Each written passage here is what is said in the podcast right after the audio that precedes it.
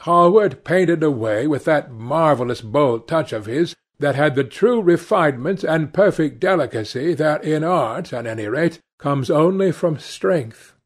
He was unconscious of the silence. "Basil, I am tired of standing," cried Dorian Gray suddenly. "I must go out and sit in the garden. The air is stifling here." "My dear fellow, I am so sorry. When I am painting I can't think of anything else. But you never sat better. You were perfectly still, and I have caught the effect I wanted the half parted lips and the bright look in the eyes. I don't know what Harry has been saying to you, but he has certainly made you have the most wonderful expression.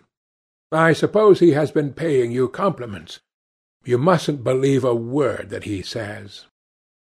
He has certainly not been paying me compliments. Perhaps that is the reason that I don't believe anything he has told me. You know you believe it all, said Lord Henry, looking at him with his dreamy, languorous eyes. I will go out to the garden with you. It is horribly hot in the studio.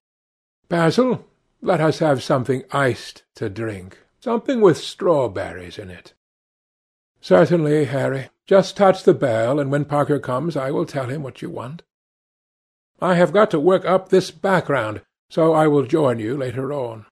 Don't keep Dorian too long. I have never been in better form for painting than I am to-day. This is going to be my masterpiece. It is my masterpiece as it stands. Lord Henry went out to the garden and found Dorian Gray burying his face in the great cool lilac blossoms, feverishly drinking in their perfume as if it had been wine. He came close to him and put his hand upon his shoulder. "You are quite right to do that," he murmured. "Nothing can cure the soul but the senses, just as nothing can cure the senses but the soul." The lad started and drew back. He was bareheaded, and the leaves had tossed his rebellious curls and tangled all their gilded threads. There was a look of fear in his eyes such as people have when they are suddenly awakened. His finely chiselled nostrils quivered, and some hidden nerve shook the scarlet of his lips and left them trembling. "Yes," continued Lord Henry, "that is one of the great secrets of life, to cure the soul by means of the senses, and the senses by means of the soul. You are a wonderful creation. You know more than you think you know, just as you know less than you want to know." Dorian Gray frowned and turned his head away. He could not help liking the tall, graceful young man who was standing by him. His romantic, olive-coloured face and worn expression interested him. There was something in his low, languid voice that was absolutely fascinating. His cool, white, flower-like hands, even, had a curious charm. They moved as he spoke like music, and seemed to have a language of their own. But he felt afraid of him, and ashamed of being afraid. Why had it been left for a stranger to reveal him to himself? He had known Basil Hallward for months, but friendship between them had never altered him. Suddenly there had come some one across his life who seemed to have disclosed to him life's mystery. And yet what was there to be afraid of? He was not a schoolboy or a girl. It was absurd to be frightened. "Let us go and sit in the shade," said Lord Henry. "Parker has brought out the drinks, and if you stay any longer in this glare you will be quite spoiled, and Basil will never paint you again. You really must not allow yourself to become sunburnt. It would be unbecoming. "What can it matter?" cried Dorian Gray, laughing, as he sat down on the seat at the end of the garden. "It should matter everything to you, Mr. Gray." "Why?"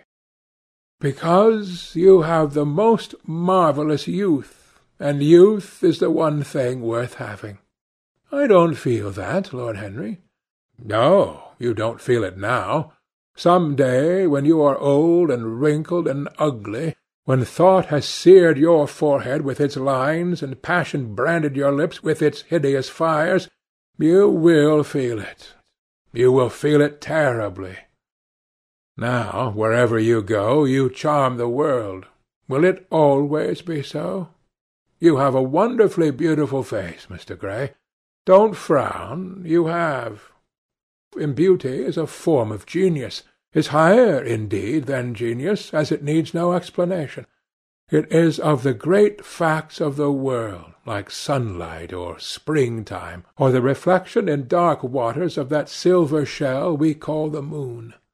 It cannot be questioned. It has its divine right of sovereignty. It makes princes of those who have it. You smile? Ah, when you have lost it, you won't smile. People say sometimes that beauty is only superficial. That may be so, but at least it is not so superficial as thought is. To me, beauty is the wonder of wonders. It is only shallow people who do not judge by appearances. The true mystery of the world is the visible, not the invisible. Yes, Mr. Gray, the gods have been good to you, but what the gods give they quickly take away. You have only a few years in which to live really, perfectly, and fully. When your youth goes, your beauty will go with it, and then you will suddenly discover that there are no triumphs left for you or have to content yourself with those mean triumphs that the memory of your past will make more bitter than defeats. Every month as it wanes brings you nearer to something dreadful. Time is jealous of you, and wars against your lilies and your roses. You will become sallow and hollow-cheeked and dull-eyed. You will suffer horribly. Ah, realize your youth while you have it.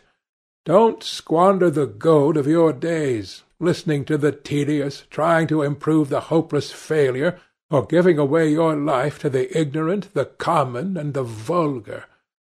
These are the sickly aims, the false ideals of our age. Live! Live the wonderful life that is in you.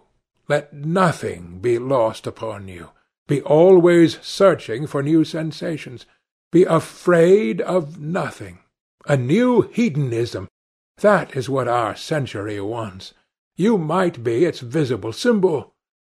With your personality there is nothing you could not do. The world belongs to you for a season. The moment I met you, I saw that you were quite unconscious of what you really are, of what you really might be. There is so much in you that charmed me that I felt I must tell you something about yourself. I thought how tragic it would be if you were wasted. For there is such a little time that your youth will last, such a little time. The common hill flowers wither, but they blossom again. The laburnum will be as yellow next June as it is now. In a month there will be purple stars in the clematis, and year after year the green night of its leaves will hold its purple stars. But we never get back our youth. The pulse of joy that beats in us at twenty becomes sluggish. Our limbs fail, our senses rot. We degenerate into hideous puppets, haunted by the memory of the passions of which we were too much afraid, and the exquisite temptations that we had not the courage to yield to. Youth! Youth! There is absolutely nothing in the world but youth. Dorian Gray listened, open-eyed and wondering.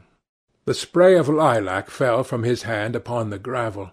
A furry bee came and buzzed round it for a moment. Then it began to scramble all over the oval stellated globe of the tiny blossoms. He watched it with that strange interest in trivial things that we try to develop when things of high import make us afraid, or when we are stirred by some new emotion for which we cannot find expression. or when some thought that terrifies us lays sudden siege to the brain and calls on us to yield. After a time the bee flew away. He saw it creeping into the stained trumpet of a Tyrian convolvulus. The flower seemed to quiver, and then swayed gently to and fro. Suddenly the painter appeared at the door of the studio and made staccato signs for them to come in. They turned to each other and smiled.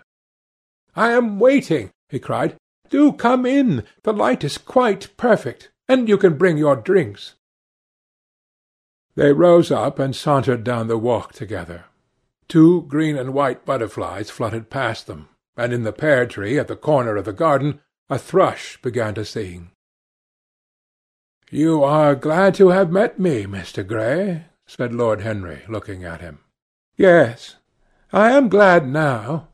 I wonder shall I always be glad?" "Always. That is a dreadful word. It makes me shudder when I hear it.